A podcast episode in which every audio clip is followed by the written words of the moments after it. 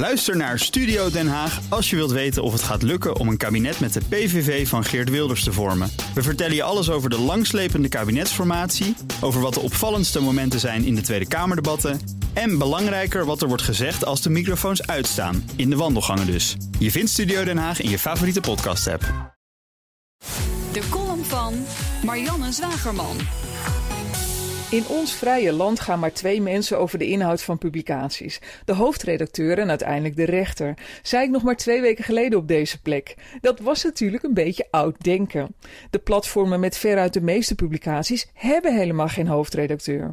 Facebook kwam lange tijd nog weg met het verweer een technologiebedrijf te zijn in plaats van een mediabedrijf.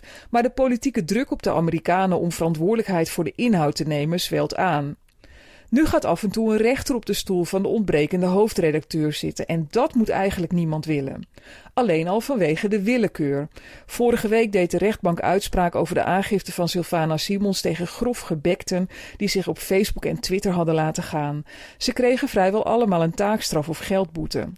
De rechter kon zich voorstellen dat de 22 verdachten zich de kop van Jut voelden. Nu ja, dat waren ze ook. Van de duizenden berichten werden die van hen eruit gepikt. Wat iedereen vervolgen is niet haalbaar. Tegen datzelfde probleem loopt Facebook aan. Er is simpelweg te veel content om te controleren.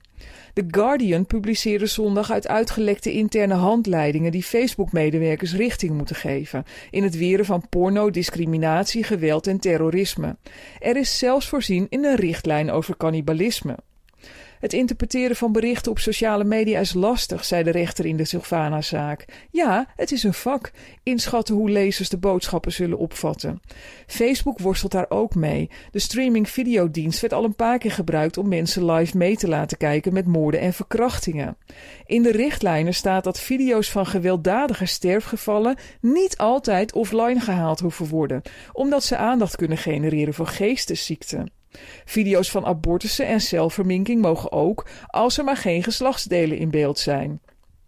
Kindermishandeling vindt Facebook ook toelaatbaar, als het maar niet sadistisch is. Je mag van Mark Zuckerberg niet zeggen: laat iemand Trump doodschieten, maar laten we dikke kinderen in elkaar slaan is wel geoorloofd.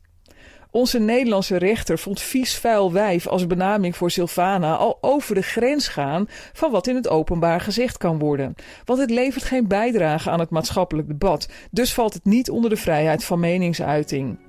Ik denk dat het maatschappelijk debat over die vrijheid op internet nauwelijks is begonnen.